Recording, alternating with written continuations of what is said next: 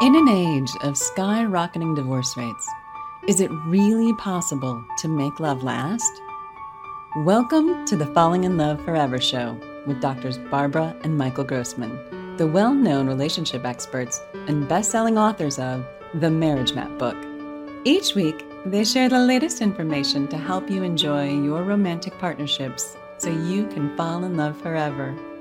Here are your hosts, Doctors Barbara and Michael Grossman. Hi, I'm Dr. Michael Grossman. I'm Dr. Barbara Grossman.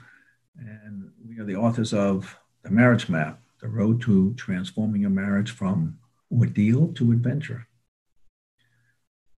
Today, we're going to talk about serial marriages. Serial marriages are pretty much inevitable in modern life. When, when uh, Medicare was developed and Social Security, 1930s. The average lifespan was 60, and then you, you, you passed on. So they had no problem giving everybody Social Security at the age of 65 because most people were not alive after that or at that point. So the experience of married life was ending at 60 years old. A few hundred years ago, most people only lived to be in the 50s. So the experience of married life changed. Now we live way into our 80s. And so it's a very different kind of experience of married life. So the experience of serial marriages is so common because we have a long period of time. It used to be you get married when you're 20, and or, or younger. Or younger. And then uh, when you're 40 something years old your life's pretty much over. So now we have another 40 years. And add to that that there wasn't birth control and so you had lots of children. Um, a lot of them didn't survive and so you wanted to have lots of children and lots of children were inevitable and you spent the uh, majority of your adult life raising children. So the experience of marriage has changed. So now we have the complexities of lots of opportunities and choices that we didn't have when we were uh, living a few hundred years ago, few, many hundreds of years ago. And so there, uh, multiple marriages were not common. Now we have lots of choices, and now we have lots of different expectations. And what happens in in life is that we go through different stages of living. That, that we have we have the experience that who we are when we're 20 is so different than who we are when we're 40. It's so different than who we are when we're 60. And we have these different flavors of moving in our life that are inevitable. And that creates a lot of pressure on a marriage. Yeah, so the challenge is, is to be true to yourself and um, grow yourself over a lifetime and respect your journey and develop yourself and and at the same time be open and honest and truthful about these changes with a partner who may be changing on a different uh, timetable. It's important that we um, be sharing about what's changing, what we want, and what we don't want, how things look different to us as a result of how life presents itself to us. So, when a um, uh, for a lot of women, it depends on whether you get married and have children first or you have a career first. But if you um, uh, have children first and then you evolve into getting settled into your own purpose in life beyond family and want to contribute uh, in a different creative capacity, um, your life may go in a more independent direction as your children get older. And this creates a huge gap that we've been experiencing as a culture for uh, the last, I think, uh, 30 years, where um, divorces are uh, very possible uh, because the challenge is great to bridge the gap between being domestically oriented and being work oriented. And so, um, a lot of couples have had a hard time negotiating through that transition. And uh, what we what I want to say is that um, a lot of couples don't make it through that transition, and so that leads to having serial marriages to a different person. Some of us are able to transition through that time and stay uh, self expressed and clear about what's similar and different about these changes and what you want and what you don't want, and be able to, to facilitate the kind of coordinated responsiveness between partners that keeps each partner growing. As, as one partner wants something new and they make open hearted requests of the partner to move in, in a direction that supports them, uh, a marriage can make that transition. And uh, you could have multiple marriages with the same person. So let's share some personal stories of what our own experience of marriages. So we've been married for 49 years, Dr. Barbara and I. And one of those transition situations uh, comes to my mind as we're sharing. So I'm like uh, 30 years old, and we go back to visit my uh, my parents who live back in New York, and um, and we go to visit them. And uh, Barbara asked me to um, uh, talk to my mom, who's very intense and controlling. And my mom wanted uh, Barbara and I to spend time with her when we visited because she and my father didn't come to California very often at all for various reasons, but Barbara's parents did. And so they, my mother wanted us to spend more time with her and not to see her, Barbara's parents. Barbara asked me nicely to please tell my mother that we were going to visit her parents when we're in New York, and we're not going to uh, just um, uh, only stay with my parents. And I t- talked to my mom. I told Barbara, okay, I'll talk to my mom. And I thought it would just be a pretty, you know, simple discussion of, you know, you know, that's what we're going to do. And I got into this big, long discussion with my mom and my mom said, absolutely not. She refuses to allow me to go and visit her parents. It's not right. It's not fair. I should just stay with them. And and uh, she had all these reasons, and she wouldn't agree that it was okay for Barbara and I, and we were married, we were adults, to go and visit her parents who lived in New York also. We had two children at the time. Yeah. And and it was like a half an hour of wrestling with my mom to, to just get her permission that it was okay for us to go there. She said, no, absolutely not. And we went on and on and on about this. And I had never really confronted my mother before like this. I'm pretty easygoing with my mom, and I, I wouldn't fight and argue with her. And and and this time I wasn't arguing with her. I just wasn't agreeing with her. I was being very nice about it. But ultimately, I said, no, I'm, I'm not agreeing with you. And she just wouldn't wouldn't move from her position. And and she just would and and so at the end of that long discussion and on and on and on uh, and it was clear that the discussion was going nowhere. And i said okay i want to give you a hug and then i'm going to go. And she says why do you want to give me a hug? I said because I love you and I, and I want to give you a hug. I said, well, and she said, I don't want a hug. And I said, but I want to give you a hug. And then we got into a big argument about giving her a hug. and we went on and on about that argument. I wanted to give her a hug. She didn't want a hug. Finally, she reluctantly says, okay, hug me already. And so I gave her a hug.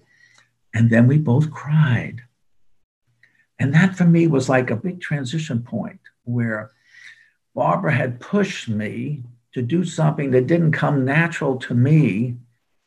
And I, I stood up to my mother's desires, and Barbara and I had our own desires, and it changed my relationship with my mom. It never was quite the same afterwards. She treated me with a lot more respect, and she understood that I am a, a different person who's there with my wife, and we are on a little different level of being. I wasn't just a kid anymore. And so that was a big change. And it came from Barbara pushing me to do something that didn't come natural to me, but it had me grow and develop. So, do you mean pushing? Because I remember it was really a request. Yes. I felt for my mom, you know, and what we wanted to do was just go and have dinner with my parents. It's not like we wanted to um, was wasn't a dramatic thing where we were going to stay right. with my parents, right. but just the simple request is really what you're talking about. Right, and but but it was still it moved mountains. That's it, it sure. didn't come from me.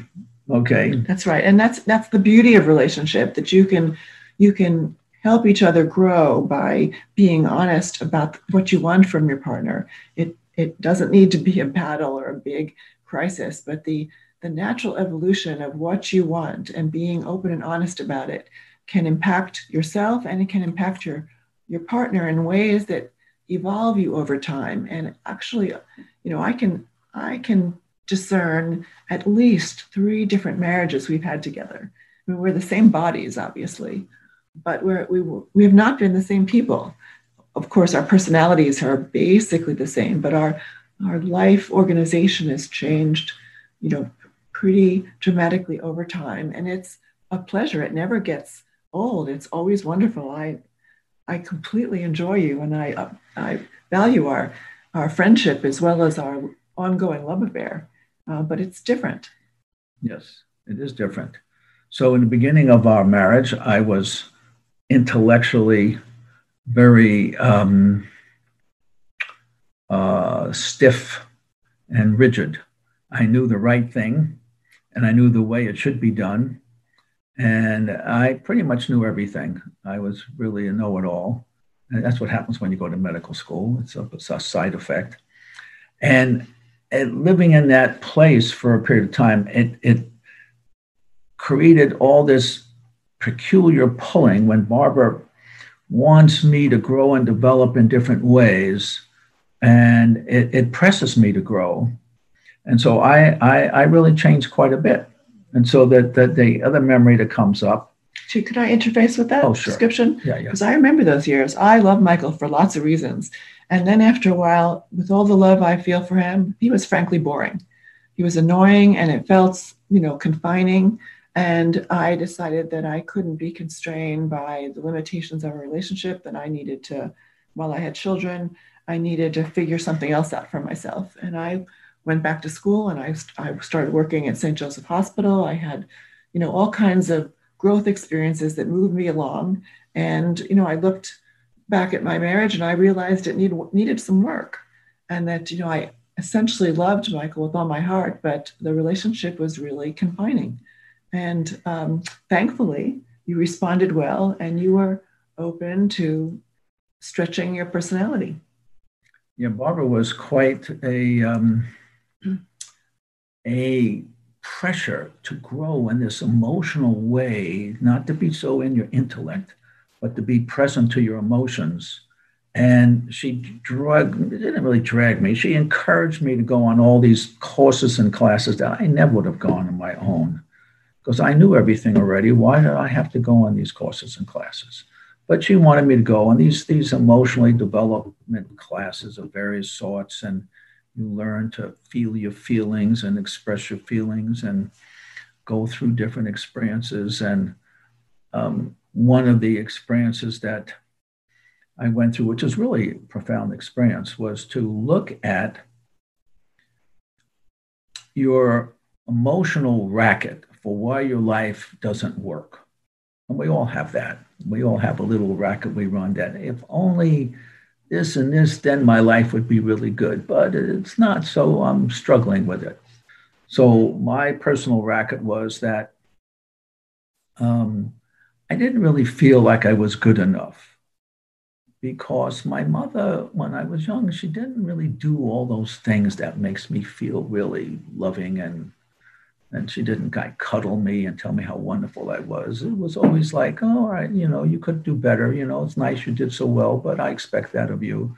Uh, I didn't ever got the feeling that I was so special. That wasn't my mother. and so I, I would complain about that. I complained to women in my life who were never feeling I was good enough. My mother didn't feel I was good enough, and my wife didn't feel I was good enough. So I had this complaint, and it was fulfilled in reality. And so then she takes me on this uh, this kind of a, a course or class that says everybody has a complaint about life that explains why their life is not great. And I sure had a complaint. And the thought process of this class was that everybody has to give up their complaint because it's just a complaint and we all have them and it just runs your life. And until you accept the fact that it's just a complaint and until you allow yourself to give it up, you're just going to have a big complaint about everything. So eventually I argued and all this and all this, and eventually I, I, I realized that, you know, I, I do have to just give up this complaint. And, and the peculiar thing was that when you give up the complaint, um, I would have to act as if I didn't have the complaint. So instead of calling my mother on the phone and she says, you know, you haven't called in two weeks, you know, what's the matter? What, what, why aren't you calling me? You know, um, I had to just start calling my mother as if I really enjoyed calling her, that I wasn't feeling like she wasn't nurturing me, that, that I had to act as if it was happening and I had to stop complaining about it. And I called her regularly and I sent her cards and flowers and I did all these things for her because instead of complaining about that she's not saying how great I am, I just went ahead and did it. And the peculiar thing is that over time, she really began to feel like I was a great son. I would call her and send her all these flowers and cards and do things. And she loved it. And she never talked more than five minutes because that's, that's all she needed. And it worked. And it changed my relationship to Barbara because I stopped complaining about her not telling me how great I was all the time. And and it changed the way I interacted with Barbara, where I could do things that made her happy because I wasn't complaining about everything. And so this is an odd thing of how you can change yourself. You can deal with your own inner um, qualities of, of complaining and let go of it. We all can do it. And it's a process. It doesn't happen in a day, but intellectually, once you make the process, then everything begins to change around you. And now, Barbara, for some strange reason, thinks I walk on water. It's really peculiar. But that's the way this peculiar thing works. It's a remarkable story because you really did change. You became emotionally connected, you had vitality, you were engaged and fun. And, you know, I, uh, as you, I hear you retell the story, it strikes me that your resentment about your mom kept you from being emotionally present. And you were, you know, you were doing all the right things prior to that. But here you, you started to just give as sort of an experiment and it you know, what surprised, I think, both of us is that your heart became present in your life. You became a loving man. You were always a wonderful man, a good, good person. And you were, there's a sweetness about you, but you really became emotionally generous. And I fell in love with you all over again. And so that started a whole new marriage we had where we were, you know, more emotionally connected, not just intellectually connected and um, and so you know that, that's an example of how you you know we have the same bodies essentially the same personalities but a whole different dynamic a whole different way of doing relationship. Yes. And so that's what we want to encourage all of you listening is to recognize that you both can change and you as a marriage can support each other to change and grow not by being demanding and irritating but just by making requests and and and telling them what makes you happy and what would really be nice. And that's what we teach in our relationship class we call it falling in love forever uh, it is a um, a class that involves four two-hour sessions where we teach you skills that allow you to grow through these inevitable changes in life and these skills involve making requests involve sharing with each other without arguing, involve understanding each other's past, dealing with anger, that if anger comes up, what it is and how to deal with it. And these are skills that are lifelong skills that allowed you to use marriage relationship to move you through life and to grow and develop into the human being that you'd like to be and to feel a, a godly presence in your life, which comes through the marriage, which comes through your love, through your partner. And so we want to encourage you to do that. And if you're interested, you can uh, go to our website, um, ocwellness.com, look for the, the courses and classes, and, um, and you can sign up for these courses and classes, and you'll see some things on the internet um, that will allow you to sign up for them. Is that the is that the website people go to? It's it's uh, no, actually, they probably should go to the marriage map. The marriagemap.com would be the better website. Thank you very much, my dear. The marriagemap.com. Anything else you'd like to say? No, but it's it's a wonderful adventure, and it you know it. My, Michael's story started from just an honest um, request that came out of my realization that uh, my parents were, you know, wanted our attention and I wanted to give them our attention. Simple thing. It wasn't a fight, it wasn't an argument, it was just a simple request, started a, a huge um, development in Michael's life and our life together. thank you all for listening. We look forward to seeing you again in the next couple of weeks. Thanks so much. Wishing you love. Thank you for watching the Falling in Love Forever show with Doctors Barbara and Michael Grossman. Join us next week for another informative discussion to help you keep your love alive.